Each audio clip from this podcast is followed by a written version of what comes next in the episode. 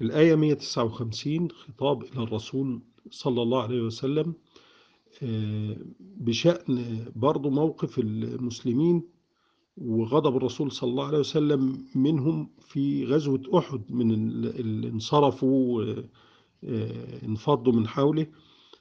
فربنا سبحانه وتعالى بيذكره بأن إيه من الله عليك بأن تكون رفيقا معهم.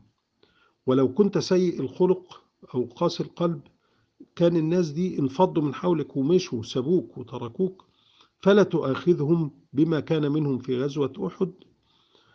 وادعو الله أن يغفر لهم واستمر على مشاورتك لهم في الأمور. فإذا عزمت على أمر بعد الاستشارة فتوكل على الله ونفذه فورا.